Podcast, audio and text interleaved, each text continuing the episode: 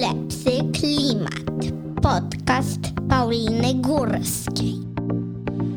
Cześć wszystkim, dzień dobry, tu Paulina Górska i podcast Lepszy Klimat. Jak co tydzień zachęcam Was do zaobserwowania mojego podcastu, do oceny najnowszego odcinka. Dzięki temu żaden nowy odcinek na platformach Spotify, Google Podcast czy Apple Podcast Was nie ominie. A dzisiaj moim gościem jest dr Jarosław Krogulec. Dzień dobry. Dzień dobry, witam Państwa. Doktor Jarosław Krogulec jest głównym specjalistą do spraw ochrony przyrody w Ogólnopolskim Towarzystwie Ochrony Ptaków. Jak już pewnie się domyślacie, naszym głównym tematem tego odcinka będzie to, jak ocieplający, zmieniający się klimat wpływa na ptaki. Będziemy rozmawiać o polskich ptakach, ale nie tylko. I ja bym wyszła od takiego bardzo e, konkretnego przykładu, którego nie wiem, sama doświadczyłam, sama zaobserwowałam. W mojej małej miejscowości, z której pochodzę, na przestrzeni ostatnich 30 lat zauważyłam, że jest o wiele mniej wróbli. Jak byłam dzieckiem, to wróbli było o wiele więcej, a teraz jak przyjeżdżam do mojego domu rodzinnego, to nie widzę ich, po prostu tak jakby zniknęły. No i faktycznie z danych ornitologów z Muzeum i Instytutu Zoologii PAN z 2019 roku wynika, że w ciągu 30 lat z takiej Warszawy, która jest przecież ogromnym miastem, zniknęła jedna trzecia wróbli. Jak do tego doszło? Zmiany klimatu y, mocno oddziałują na ptaki już w chwili obecnej i o tym będziemy mówili pewnie nieco później. Tak. Natomiast powiem, że nie wszystkie y, obserwowane trendy populacji różnych gatunków mhm. musimy wiązać ze zmianami klimatu. I tak jest w przypadku wróbli. To nie y, zmiany klimatyczne. I dlaczego nie o tym za chwilę? Y, wpływają na y, wróble, tylko w pewnym sensie nawet nasze działania y, przeciwko zmianom klimatu, a mianowicie głównie choćby termomodernizację. A nie tylko termomodernizację, tylko wszelkie modernizacje, wszelkie remonty budynków. To jest jeden z kluczowych czynników y, spadku liczebności wróbla w Polsce, ale także w innych krajach Europy. Tego typu problem obserwuje się w Wielkiej Brytanii y, czy innych krajach europejskich y, u nas. Tak więc to, że w Warszawie jest mniej wróbli, to jest efekt zmniejszenia się potencjalnych siedlisk lęgowych. Dawniej y, Warszawa była bardziej dziurawa, e, w sensie mhm. na, we wszystkich budynkach było sporo szczelin. E, w tej chwili remontuje się y, bardzo wiele budynków, a buduje wiele nowych, które są szczelne, dobrze y, przygotowane. Tak więc to jest jedna z pierwszych podstawowych przyczyn, zanik, zanik miejsc lęgowych. Druga przyczyna to jest dostępność pokarmu.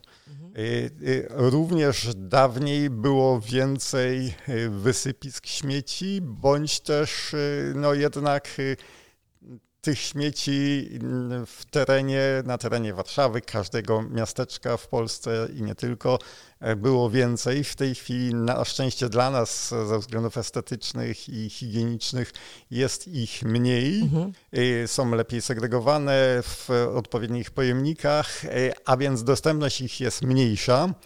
Y, a jednocześnie też zmniejsza się w wielu miejscach, y, na przykład przez regularne koszenie, dostępność, y, dostępność nasion z obszarów zielonych w mieście. Tak więc dwie rzeczy, siedliska lęgowe i baza pokarmowa to jest podstawowy mm, problem dla wróbla, ale także dla innych gatunków, choćby na przykład dla jeżyka gniazdującego wysok, na wysokich budynkach, w szczelinach czy w otworach wentylacyjnych, które w tej chwili często są zatykane kratkami i tak dalej. Czy jeśli na przykład chcielibyśmy mieć więcej wróbli i jeżyków wokół, to powinniśmy mniej kosić? I to raz. I, i ten, y, tego typu trend obserwuje się w krajach, które jakby mm, szybciej reagują na te problemy.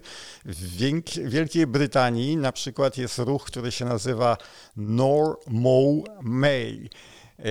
czyli nie kośmy w maju albo no, nigdy więcej w maju mhm. koszenia, oczywiście tak jakiś w przenośni.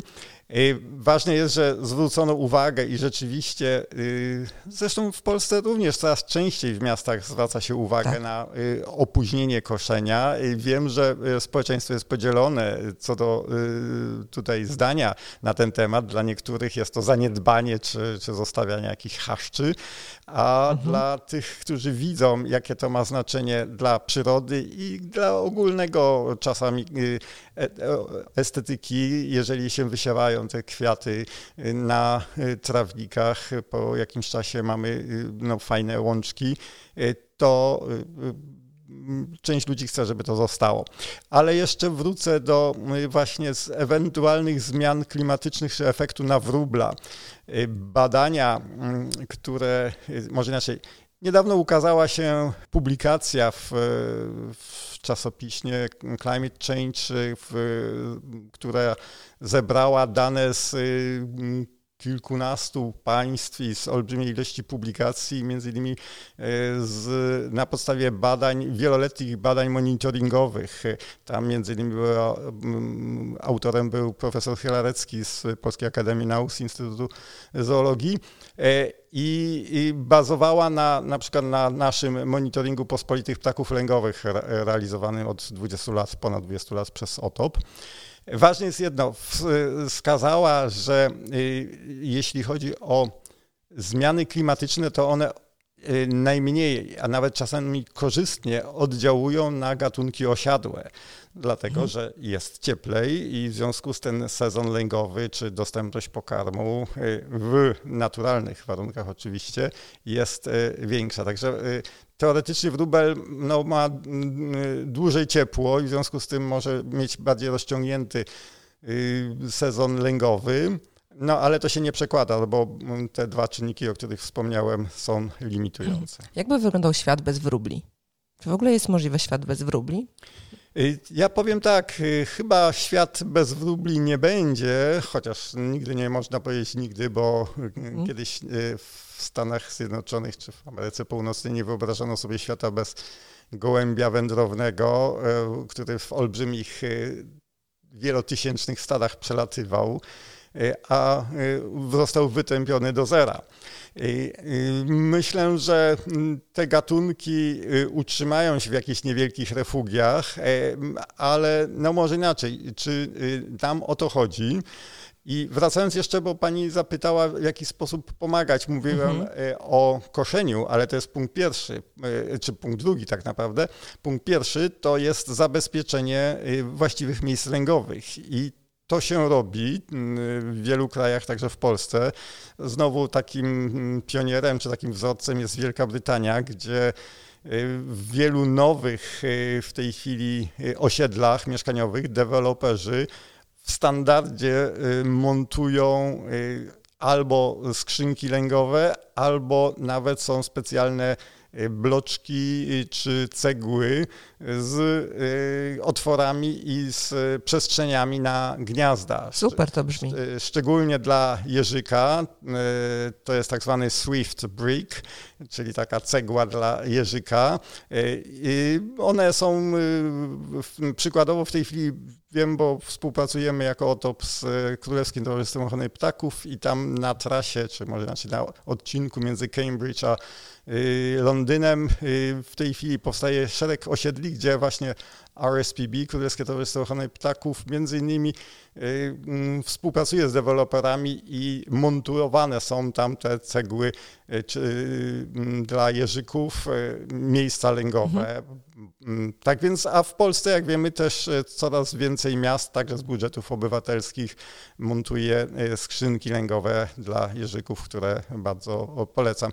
No i analogicznie skrzynki lęgowe dla wróbli w parkach czy na osiedlach są. Okej, okay, czyli mamy jakieś rozwiązanie na ten e, problem.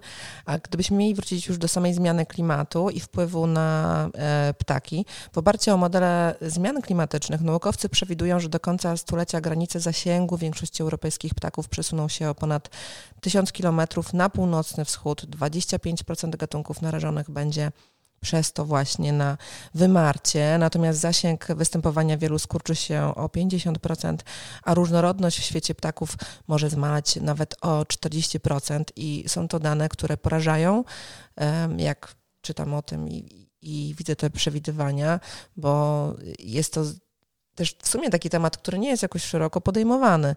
Chyba o wiele więcej w środowisku, albo też kiedy mówimy generalnie o wpływie klimatu, no to mówimy na przykład o zapylaczach, mówimy o owadach, a o tych ptakach mówi się jakoś za mało, więc ja bym chciała, żeby Pan opowiedział, jak faktycznie zmiana klimatu wpływa na ptaki i czy te przewidywania są, yy, są jakimś możliwym scenariuszem. Y, o ptakach mówi się mniej, dlatego że y, jeżeli mówimy o zapylaczach, mhm. ma to bezpośrednie przełożenie na naszą gospodarkę czy, czy na naszą żywność. Jak nie ma mhm. zapylaczy, no to y, wiele roślin uprawnych nie zostaje zapylana na czas czy wystarczająco, aby mieć z tego żywność. W przypadku ptaków należy je traktować jako takie taką grupę wskaźnikową, bioindykacyjną, takie kanarki, które w kopalniach swojego czasu były do wykrywania mhm. metanu używane. I rzeczywiście te badania, o których pani mówi, pokazują, te modele wskazują na duże niebezpieczeństwo dla ptaków, ale to nie tylko dla ptaków oczywiście, tylko dla różnych innych grup organizmów zwierzęcych i roślinnych. Bo mm, te przesuwanie się zasięgów trwa, jest obserwowane i powoduje duże mm, zróżnicowanie, czy może inaczej, przestają nakładać się na siebie utrwalone przez y, tysiące lat ewolucji cykle. Mhm. Cykle na przykład przylotów gatunków migrantów dalekodystansowych, o tym za chwilę, z y, fazami rozwoju bazy pokarmowej, jakimi są na przykład owady. Czyli ponieważ robi się cieplej, na przykład w Polsce robi się tak. cieplej, w związku z tym niektóre gatunki owadów zaczynają wcześniej swoje przeobrażenia i zaczynają być obfito, obficie występować w środowisku wcześniej, na przykład dwa tygodnie mhm. wcześniej, mhm. przed przylotem ptaków, które gdzieś lecą z obszarów transsaharyjskich do nas, a jest ich bardzo dużo. I w związku z tym one przylatują, a pokarmu jest dużo mniej, szczególnie w e, szczycie zapotrzebowania na ten pokarm, kiedy jest e, karmienie piskąt. Tak więc y, y, niby drobna rzecz, czyli jakby przesuwanie się, czy mhm. zmiana zasięgów i zmiana rytmów biologicznych niektórych grup Y, no, powoduje poważne y, konsekwencje dla e, ptaków, y, ale zapewne nie tylko dla nich. A jakie są jeszcze konsekwencje wynikające ze zmiany klimatu dla ptaków? No, mm, po pierwsze to, drugie, druga rzecz, my mówimy o ptakach, tu trzeba różne grupy rozważyć, czyli jak już mówiłem, gatunki osiadłe, te często korzystają ze zmian klimatycznych, Mamy też tak zwane y, migranty krótkodystansowe, czyli te ptaki, które od nas odlatują stosunkowo niedaleko, na przykład w obszar śródziemnomorski y, mhm. Europy, mhm. albo y, no i trzecia grupa to są migranty dalekodystansowe, których jest wbrew pozorom najwięcej, które od nas każdego roku te niewielkie, często 20-gramowe ptaki przelatują przez całą Europę, obszar Morza Śródziemnego, czy tam wzdłuż wybrzeża Atlantyku, lecą do północnej Afryki potem y, pokonują przez parę dni Saharę, no i wreszcie y, są albo w Afryce Zachodniej, albo jeszcze dalej w Afryce Południowej. Niewyobrażalna jest to podróż no dla mnie. Jak tak. słucham pana, to sobie myślę, ja o tym jak mówię, to możliwe. miałem okazję kiedyś y, lecąc na konferencję do Abidżanu, tam w Wybrzeżu Kości Słoniowej, i lecieć nad Saharą mhm. Y, y, i stamtąd akurat miałem to szczęście, że siedziałem przy oknie i filmowałem i fotografowałem tą Saharę. I to trwało dwie godziny, y, gdzie człowiek w wygodnym fotelu, no mhm. po jakimś czasie czuł, że jest zmęczony. A te 20-gramowe ptaki cały czas lotem trzepoczącym lecą nad tą Saharą, muszą znaleźć jeszcze po drodze jakieś miejsca przystankowe i tam zatrzymują się i lecą dalej. To jest niesamowite. I tak robią każdego roku tam i z powrotem. To długa historia, o tym można dużo tak, opowiadać. myślę, że czyha na, tak. na nie bardzo dużo niebezpieczeństw. A czy badaliście to, czy ornitolodzy wiedzą, jaki procent ptaków, bo to oczywiście jest oddzielny wątek i pewnie mm -hmm, moglibyśmy tak. zrobić o tym zupełnie odrębny podcast, odrębny odcinek, rozmowę, e, ale czy e, w sumie interesuje mnie to, czy mamy tą podróż, to jaki procent ptaków jest w stanie przetrwać tą podróż? Tak, to jest bardzo ważne pytanie i od razu powiem, bo tak wracając do tych zmian mhm. klimatycznych, te gatunki, szczególnie migranty krótkodystansowe, które mogą zostać, czyli nie odlatują na zimowiska, mają większą przeżywalność u nas i mhm. w ogóle no, u, nas, u nas, czyli w Europie Środkowej, czy Europie Zachodniej y, ogólnie rzecz biorąc. Tak więc tak, y, to jest bardzo duży wysiłek i szczególnie y, te y, osobniki jednoroczne, dwuletnie, czyli te niedoświadczone, giną licznie w czasie wędrówek. Tak więc to jest duża selekcja w tym, w tym przypadku. Ale wracam do tematu, bo ja już troszeczkę właśnie rozszerzyłem ten wątek.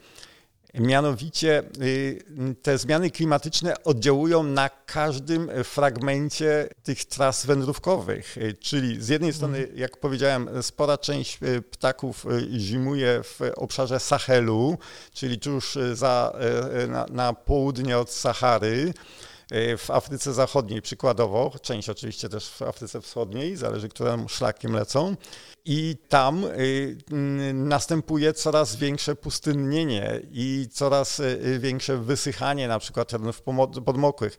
Tak się składa, że my jako Ogólnopolskie Towarzystwo Ochrony Ptaków y, prowadzimy pracę nad ochroną i badaniem jednego z najrzadszych gatunków ptaków w Europie, jakim jest wodniczka. To jest niewielki ptak występujący na torfowiskach w Polsce, głównie na bagnach biebrzańskich i na torfowiskach Których mamy coraz mniej, 85% tak osuszyliśmy, a ja już to wiem, bo tutaj gościł profesor Kotecki. Kotowski, Kotowski przepraszam, tak. tak. I ten, y, ten mały 20-gramowy ptak mhm. Y, każdego roku leci na początku nad Morze Północne, potem wzdłuż Atlantyku no i do Afryki Zachodniej właśnie, mhm. czyli y, między innymi w deltę rzeki Senegal, w, w, Senegalu, albo w tak zwaną wsteczną deltę Nigru w Mali. I, I, na tych terenach y, y, w tej chwili y, bardzo często są susze i jak w całym Sahelu i wiele terenów podmokłych, które są ważnym miejscem zimowania tego gatunku, ale także szeregu innych gatunków są coraz bardziej zagrożone. Tak więc podsumowując, te zmiany klimatu oddziałują na każdym etapie życia, cyklu życiowego wielu ptaków. Czy ptaki jakoś się dostosowują do tego zmieniającego się klimatu? Czy wykształciły jakieś mechanizmy adaptacji? Tak, y, u ptaków y, i u wszystkich organizmów y, te mechanizmy adaptacji występują, tylko z bardzo różną szybkością. O ile niektóre najprostsze organizmy, jeżeli to możemy w ogóle mówić o organizmie jak, jak wirusy, jak wiemy, są niesamowicie adaptacyjne i co doświadczyliśmy w różnych odmianach e, wirusa e, COVID. Mhm. Natomiast u bardziej zaawansowanych organizmów, jakimi są kręgowce, w tym ptaki, tego typu adaptacje trwają setki, tysiące lat w procesie ewolucji. A problem jest w tym, że te zmiany klimatyczne, które w tej chwili obserwujemy, są y, niesamowicie przyspieszone w porównaniu do tych naturalnych zmian klimatycznych, które zwykle mhm. Y, trwają znacznie dłużej. I stąd też y, ptaki tak naprawdę nie adaptują się wystarczająco szybko, choć widzimy niektóre pozytywne efekty, jak przykładowo mamy w tej chwili jeden z gatunków, który e, znacznie ograniczył, a nawet zmienił miejsca e, zimowania. Mówię o, tak zwanej, o pokrzewce czarnołbistej albo kapturce. To jest e, no, świetny gatunek, bo pięknie śpiewa. Mamy jego mnóstwo w tej chwili w Warszawie i w innych miastach. Y, on y, wcześniej odlatywał na y, dalsze trasy, a w tej chwili zimuje właśnie w obszarze śródziemnomorskim. Zmienił jakby zimowiska i w efekcie ma większą przeżywalność i jej, jej liczebność rośnie w Europie, no i także w Polsce w efekcie, co, co nas cieszy, bo no, poza samym takim obserwacją no, jest to bardzo przyjemny ptak. A jeszcze w temacie adaptacji to e, przeczytałam, że ptaki, niektóre ptaki robią się coraz mniejsze, a ich skrzydła się robią coraz dłuższe. Y, tak, tego typu badania były robione akurat na terenie Amazonii, czy generalnie w mhm. Y, Ameryce y, Południowej. I rzeczywiście, no to, jest, to jest jedna z takich obserwacji, które pokazują, że te adaptacje zachodzą, ale no, jak mówię, y, mogą być niewystarczające y, do dostosowania się w, do tych y, szybkich zmian. A tak jak Pan pracuje nad i obserwuje i, i bada temat ptaków już od jakiegoś czasu, zakładam, to co Pana najbardziej zaskoczyło, jeśli chodzi o kwestie związane ze zmianą klimatu versus ptaki w Polsce? Albo nawet poza Polską. I zaskoczyło, może inaczej, ja powiem o pozytywnym przykładzie. Mhm. Y, początku, Potrzebujemy ich. Tak, właśnie, żeby, y, bo to, to, to mnie rzeczywiście niedawno zaskoczyło i dlatego mhm. o tym mhm. powiem. Od razu zastrzegając, że tych pozytywnych przykładów jest y, znacznie mniej niż przykładów negatywnych, czyli podsumowując, zmiany klimatyczne w bilansie są bardzo niekorzystne dla ptaków. Ale niektóre gatunki korzystają. Y, y, gatunki ciepłolubne, które teraz licznie pojawiają się w naszym kraju, jak kilka gatunków ptak, to znaczy przede wszystkim ptaki, ale także i u, u owadów jeszcze to widać jeszcze szybciej. Mm, w Polsce w ostatnich w ostatniej dekadzie, w ostatnich 10 latach, ale tak naprawdę w ostatnich 5 latach szczególnie, y, licznie pojawiła się i znacznie rozszerzyła swój zasięg żołna. To jest jeden z najpiękniejszych e, ptaków, która mhm. E, kojarzy nam się z gatunkami egzotycznymi, jest bardzo kolorowa, jest stadna, gniazduje w otworach, w piaskowniach, w jakichś skarpach piaskowych, lesowych i w innych tego typu miejscach. Y, dawniej była gatunkiem bardzo rzadkim, występującym tylko na południu kraju w niewielkiej ilości a właśnie od pewnego czasu y, mocno y, zaczęła rozszerzać swój zasięg. Jest w tej chwili także nad morzem, na przykład nad Zatoką Pucką można ją obserwować, to znaczy oczywiście w, w tamtym rejonie, w odpowiednich siedliskach. Także y, to, jest, to się dzieje u nas, ale także u sąsiadów w Niemczech to też obserwują y, tą ekspansję i to bardzo cieszy, a zaskakuje, no bo ciekawy gatunek się y, raptem pojawił. Ludzie dawniej jeździli na żołny w obszar śródziemnomorski, a teraz możemy je podziwiać regularnie w naszym kraju. Podobnie zresztą, jak już troszkę zejdę z ptaków na owady, bo te często łatwiej obserwować także między, dzięki mediom społecznościowym. Mhm. To znaczy może nie tyle obserwować, ile roz, rozchodzą się informacje dużo szybciej. Przykładową, e, przykładem jest e, choćby modliszka, która podobnie jak żołna kiedyś była związana tylko to, z niektórymi stanowiskami w, na południowym wschodzie Polski, a w, potem raptem zaczęto to obserwować ją w całej y, Polsce i często, ponieważ jest łatwo rozpoznawalna, to ludzie na y, Facebooku informowali y, o tym i dzięki temu można było śledzić rozszerzanie się zasięgu. Ostatnio także obserwujemy rozszerzanie zasięgu zadrzechni fioletowej.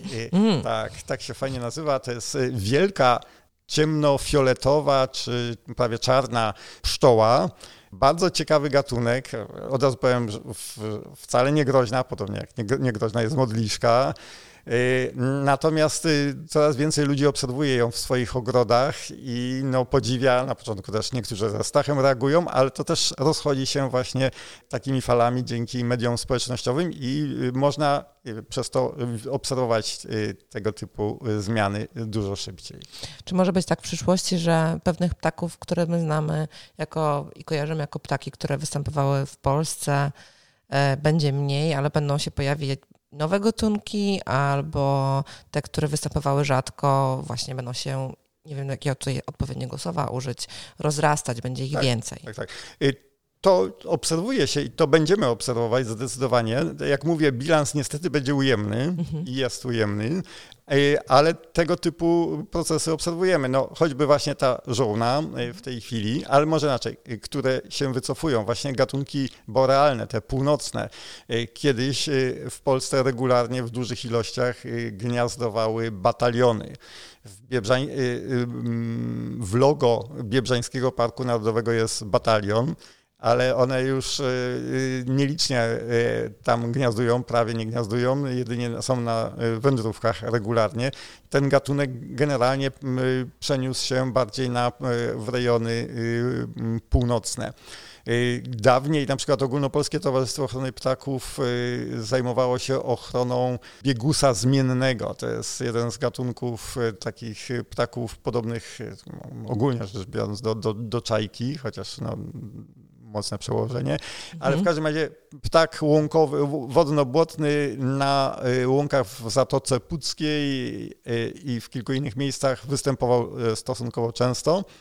Mm, po to między innymi tam było, były za, założone rezerwaty, ale on stopniowo zaczął się wycofywać na y, północ i on się wycofał nie tylko z y, tych rezerwatów w naszym kraju, ale z całego południowego Bałtyku. Tak więc te procesy się obserwuje. Z drugiej strony rzeczywiście pojawiają się nowe gatunki. Z takich fajnych, które mogę wymienić, jest choćby czapla biała, która dawniej była super rzadka w Polsce. W tej chwili regularnie ją spotkamy czasami w dużych ilościach.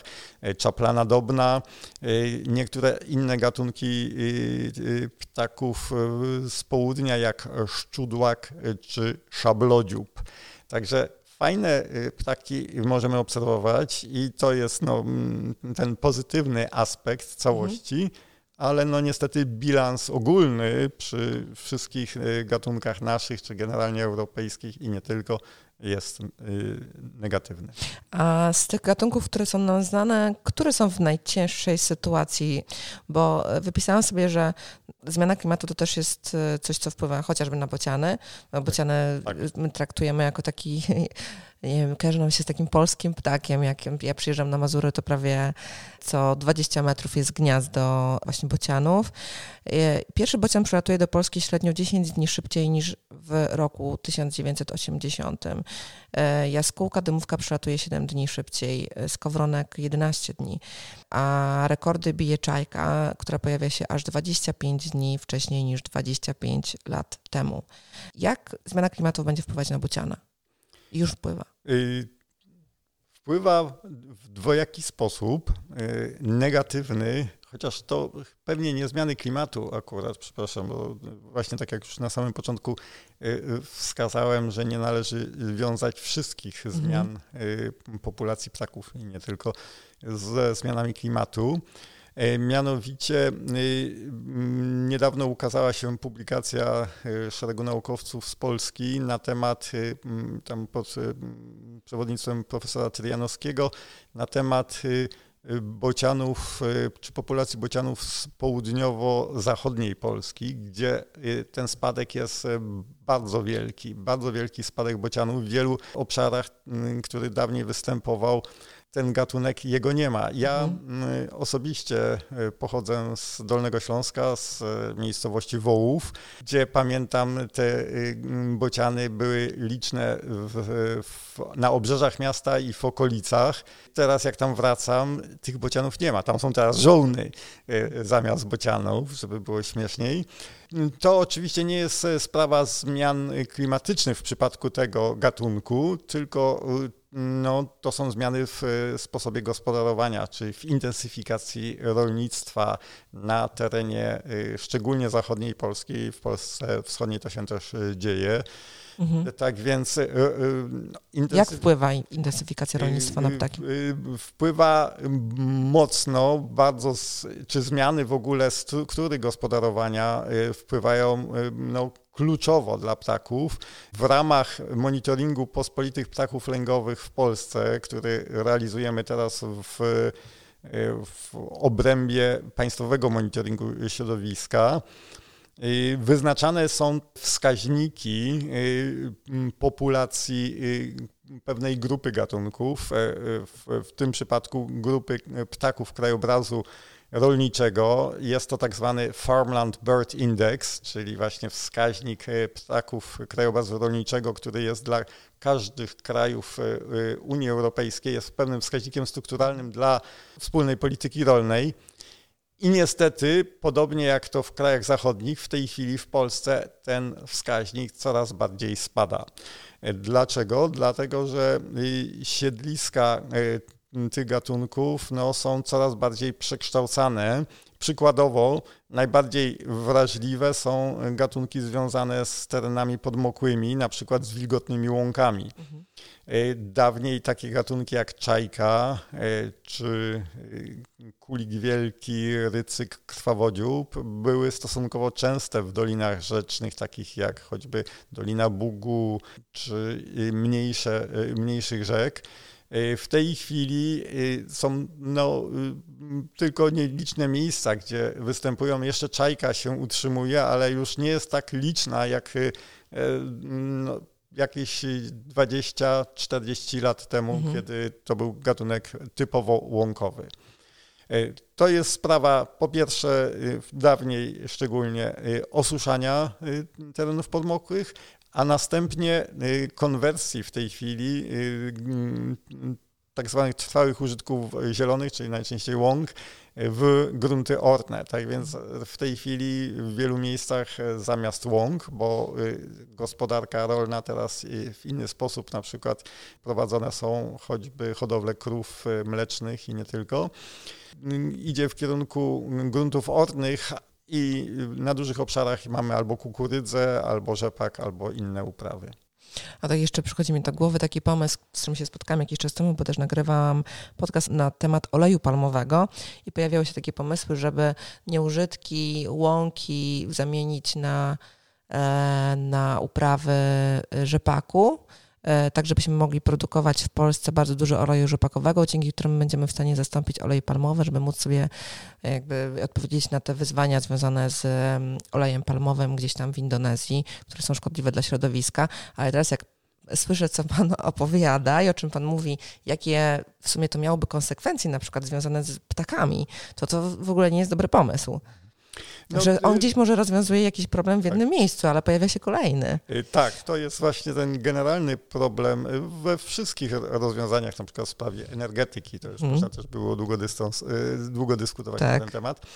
Y, że y, no, trzeba to dobrze zbilansować, bo oczywiście jest to jedno z mm, pomysłów i rozwiązań.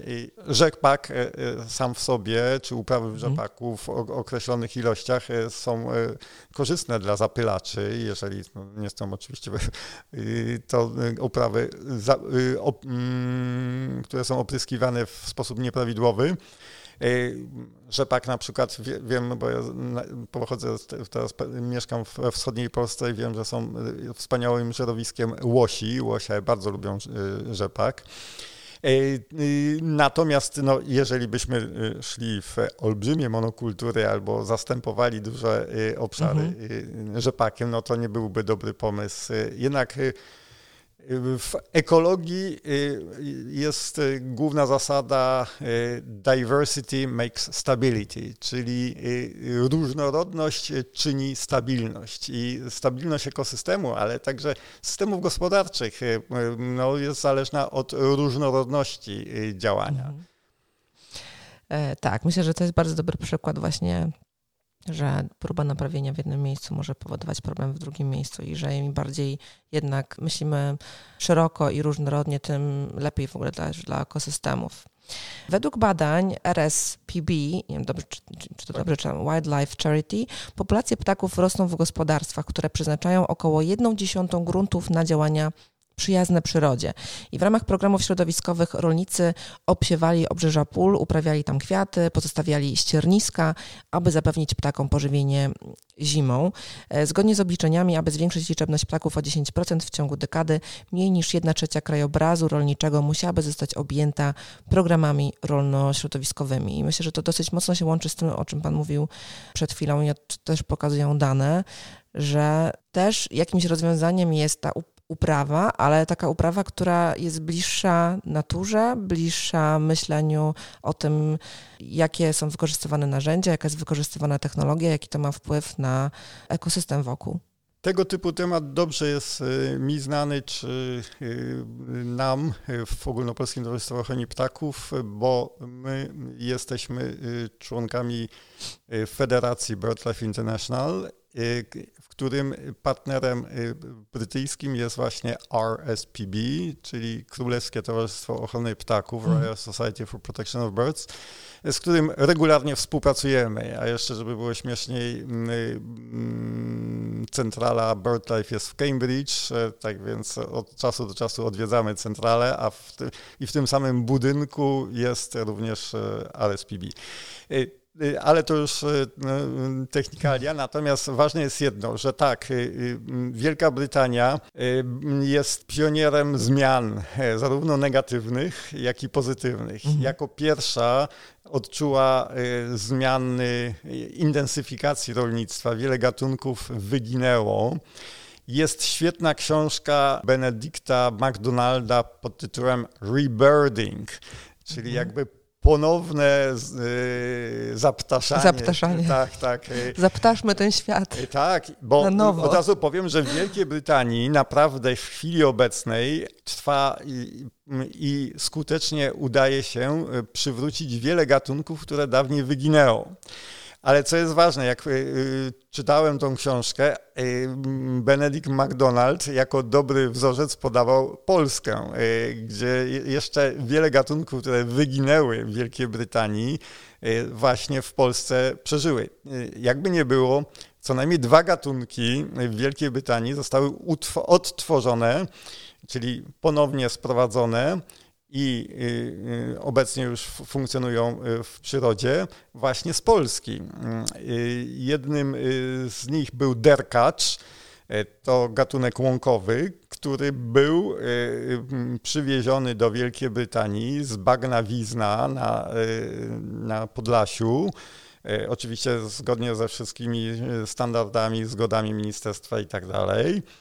Y, i tam wsiedlony i od tej pory y, derkacze są coraz liczniejsze w niektórych miejscach na, y, na terenie Wielkiej Brytanii. I tym właśnie się zajmuje też Pana organizacja? No, nasza, czyli OTOP zajmuje się także między innymi ochroną wodniczki, o tym mogę potem więcej powiedzieć, przy jakiejś innej okazji pewnie. E, natomiast e, po prostu my te wzorce mhm. E, jakby znamy właśnie współpracując z kolegami z RSPB, bo no, następnym gatunkiem, który z Polski pochodzi, w, a może inaczej egzemplarze tego gatunku to jest bocian biały, hmm. który był e, między innymi wsiedlany do, e, do gospodarstwa czy, czy do posiadłości barona Knepa, Nep Farm. Który mm, poświęcił sporą część swojej farmy właśnie dzikiej przyrodzie i między innymi tam y, po raz pierwszy zasiedlono bociany białe, zresztą z ogrodu zoologicznego y, z Warszawy, o ile się pamiętam, to trzeba było pana... Nie słyszałam w ogóle o tych historiach, a są piękne. Kruszewicza zapytać, ale ja w razie mhm. czego mogę pani podesłać informacje o tym właśnie ze strony zresztą NEP Farm. Co jest ważne, rzeczywiście tam się udało, ale wracamy do pani pierwotnego mhm. pytania, e, bo e, w Wielkiej Brytanii bardzo intensywne rolnictwo doprowadziło do tego, że po pierwsze, że wyginęło wiele gatunków ptaków, ale po drugie, no, rolnicy doszli do ściany, no, bo zobaczyli, że nie tędy droga, po prostu do, następuje też degradacja gleby i, i, i całego ekosystemu i w związku z tym, wbrew pozorom, opłaca się niewielką część, no jedną dziesiątą, w jakiś sposób pozostawić dla przyrody, żeby na przykład miedze nie były redukowane do zera, żeby te zapylacze gdzieś mogły występować. To jest jedna rzecz. Z drugiej strony sporą część warto zostawić do gospodarowania zgodnego z przyrodą i w Unii Europejskiej, a także Wielkiej Brytanii, która wyszła z Unii, ale no musi w pewnym sensie kopiować te same wzorce, Znanym, znaną formą są programy rolno-środowiskowe, o których tu pani wspominała. Mhm. No i w Polsce y, od 2004 roku, a tak naprawdę na, na w pełnym rozbiegu od 2007 roku. Realizowane są i przygotowane liczne programy rolno-środowiskowe e, dla ochrony y, y, zarówno cennych łąk, jak i cennych innych siedlisk, cennych gatunków. W tym są tak zwane pakiety czy programy ptasie dla ochrony różnych grup ptaków. I zwykle one są realizowane na tak zwanych gruntach marginalnych, tam gdzie mniej opłaca się gospodarować mhm. intensywnie, a rolnicy jednak te działki posiadają i tam właśnie wchodzą w te pakiety. Tam, te zresztą grunty są zwykle Y, też cenniejsze dla przyrody, dla, choćby dla ptaków. Tak więc y, rolnicy y, mogą brać dodatkowe płatności poza tymi mm, płatnościami podstawowymi.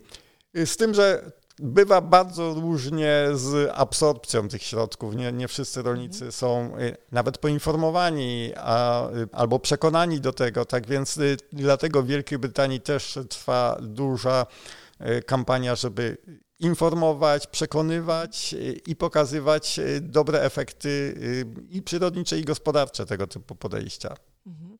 Jak każdy z nas może wspierać ptaki? Oczywiście zawsze zaczynam od jednostki, ale też bym tak. chciała porozmawiać o tych e, niezbędnych zmianach systemowych instytucjonalnych, no bo e, znowu nie wszystko zależy od jednostek, ale jednak myślę, że pewnie są jakieś działania, które każdy z nas może podjąć, chociażby możemy zacząć od tego niekoszenia, o którym Pan wcześniej mówił, albo rzadszego koszenia, bo to jest taka duża potrzeba części Polaków, e, żeby mieć super skoszoną trawę na, na zapałkę i coraz więcej się o tym mówi, że warto mieć jakąś małą łąkę kwietną, warto rzadziej kosić. A co poza tym? Mhm. Jeszcze jeśli mówimy o mm, koszeniu i, i, i w ogóle estetyce ogrodów, y, to jest zwykle kwestia mody y, danej y, w mhm. danym obszarze czy, czy w danym społeczeństwie i te mody się zmieniają i ważne jest, żeby kształtować pewną modę czy, czy pewne wzorce, bo no, przykładowo na naszych wsiach nasze wsie y, coraz częściej przypominają małe miasteczka. Mhm. Panuje na ogródkach niektórych tujoza tak zwana i tak mhm. tak dalej. No bo taka jest moda i taka wygoda, taki, taki standard. Dużo zależy od nas, jak my przekonamy, albo może inaczej, przygotujemy dobre wzorce tego typu prowadzenia ogrodów, czy, czy w ogóle terenów zielonych.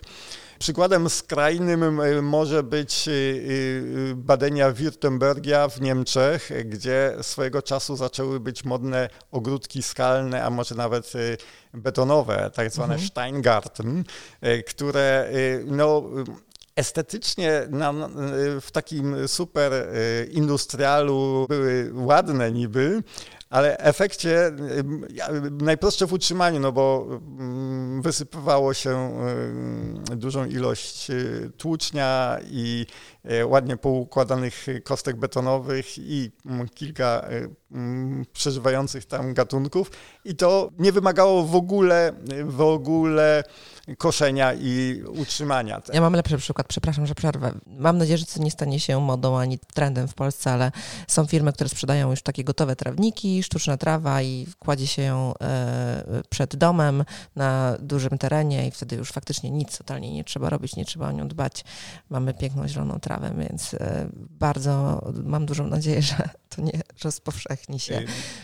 To ja powiem właśnie, że te Steingarten y, w Badeni-Württembergii i pewnie w innych landach Niem Niemczech, ale przynajmniej tu wiem, zostały oficjalnie zakazane, mm. bo zauważono no, dużą szkodliwość y, przyrodniczą i dla, dla ochrony także spływających wód i tak dalej. Tak więc zdecydowanie to zostało zakazane, nawet formalnie.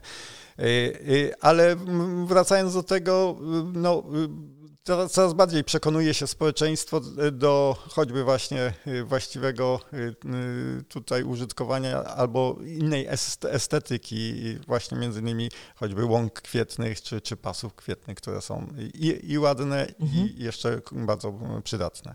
Czy poza innym podejściem do własnego ogrodu, do koszenia, co jeszcze można robić? Y, no, bezpośrednio dla ptaków indywidualnie to są y, te mm, dwa działania, czyli przygotowanie im siedlisk y, lęgowych, czyli po pierwsze odpowiednia tutaj y, gospodarka terenami zielonymi i y, także sadzenie krzewów czy drzew, które są właściwe dla ptaków w danym miejscu.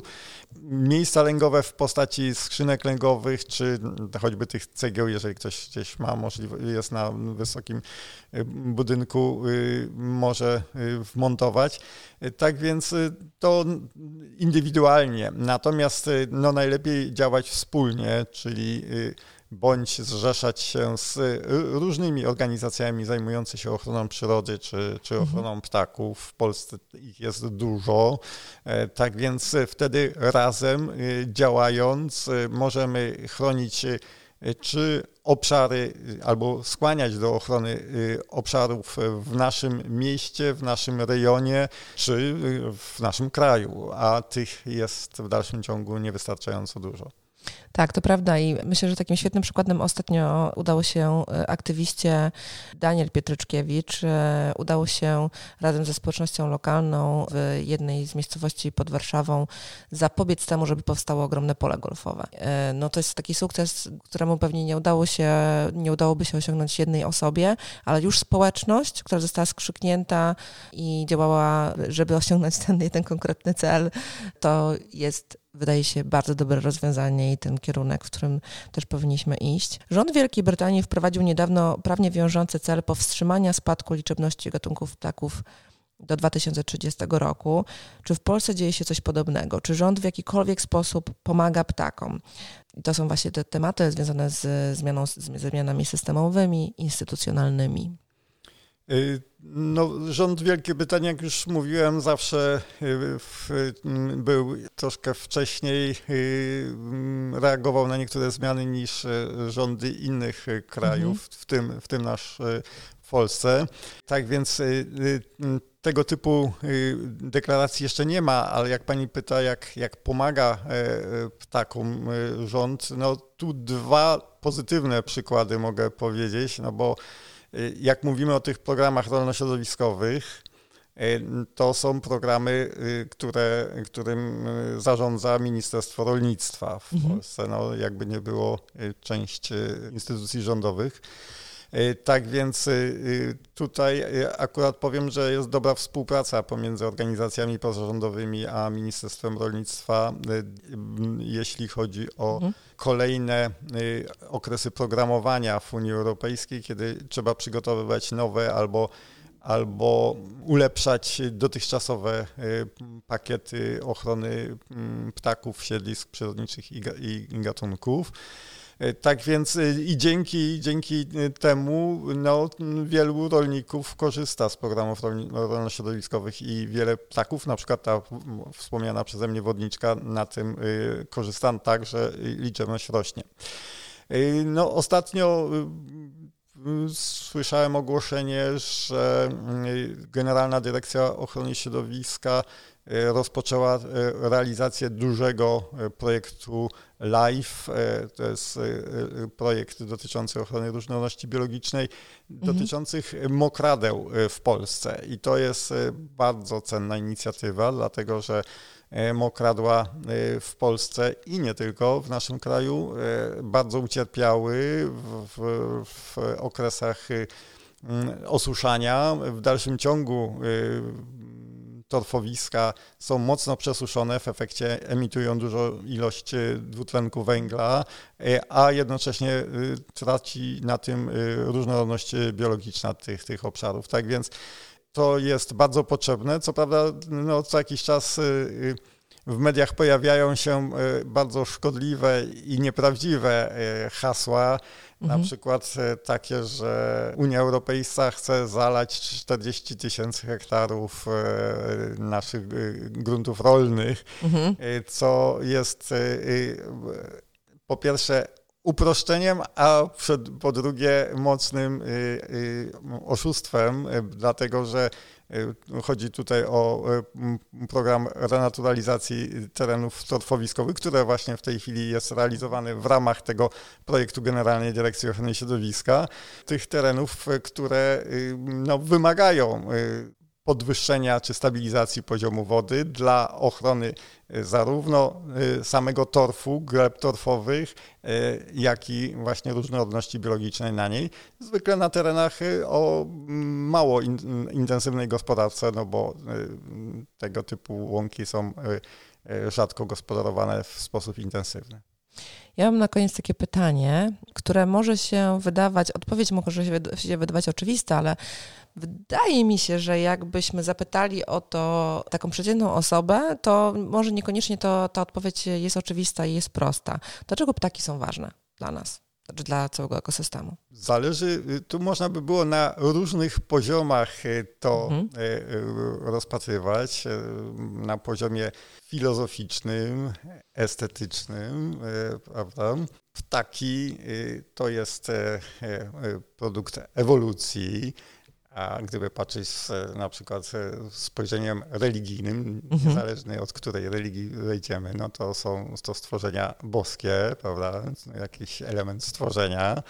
No i pytanie, czy my powinniśmy w jakiś sposób przyczyniać się do niszczenia tego. To jest jedna rzecz. Mhm. Druga rzecz to, y, tak jak już mówiłem, ptaki są wskaźnikiem e, środowiska, przekształcenia środowiska i w związku z tym y, one pokazują nam często z dużym wyprzedzeniem, że coś złego się dzieje w środowisku i musimy odpowiednio wcześnie na to reagować. No i po trzecie, y, ptaki są piękne y, i powinniśmy te piękno zachować. Olbrzymia rzesza ludzi cieszy się z obserwacji ptaków, e, z słuchania ptaków, idący wiosną przez park. E, raduje nas ten głos. Tak więc e, szanujmy przyrodę i piękno. Tak, tak. A ja mam poczucie, że śpiew ptaków kojarzy nam się z takim właśnie z przyrodą, z naturą, z relaksem, z byciem w ogóle blisko natury. Jakbym teraz miała pomyśleć, że już miałabym nie słyszeć śpiewu ptaków w miejscu, nie wiem, do którego przyjeżdżam gdzieś tam na wakacje na przykład, albo nawet w domu rano wstając, to chyba ten świat byłby straszny. Byłby Przerażający. Straszny. Był kiedyś opisany w książce Rachel Carson, Silent Spring, Milcząca Wiosna, kiedy Rachel opisała konsekwencje niekontrolowanego stosowania środków ochrony roślin na bazie y, polichlorowanych, y, y, przepraszam, na bazie DDT. I wtedy rzeczywiście u wielu gatunków obserwowano mocne spadki liczebności. Zaczęto to badać i, i okazało się, że te mm, pestycydy w oparciu o y, mm, substancje chloroorganiczne wpływają na gospodarkę wapniową ptaków i to jest mhm. główna przyczyna potem zmian fizjologicznych i, i śmiertelności. E, jeżeli wpływa to na gospodarkę wapniową ptaków, to wpływa również na gospodarkę wapniową innych kręgowców, z człowiekiem włącznie. Tak więc wystarczająco wcześniej to zaobserwowano. Wiele gatunków, e, no mocno spadła liczebność u nich i zahamowano i zakazano stosowania środków e, na, na, na, na tego typu. W efekcie no, ochroniono nas przed skutkami dla naszego zdrowia przymierze. To dzięki ptakom w sumie. Panie Jarosławie, bardzo dziękuję za rozmowę i dziękuję też za e, ponadcodzienną działalność w ramach, e, w ramach Towarzystwa Ochrony Ptaków. Myślę, że jest bardzo ważna. I mam też takie, mam taką nadzieję, że wy, drodzy słuchacze i słuchaczki, wychodzicie, czy już kończycie słuchanie tego podcastu z takim poczuciem, że ptaki są bardzo ważne i powinniśmy zrobić wszystko, co w naszej mocy, żeby je chronić, również przed zmianą klimatu. Ptaki są piękne, więc patrzmy w górę. Tak. Tak, dziękuję. Dziękuję. Dziękuję bardzo. Do usłyszenia i do, Do usłyszenia. Lepszy klimat.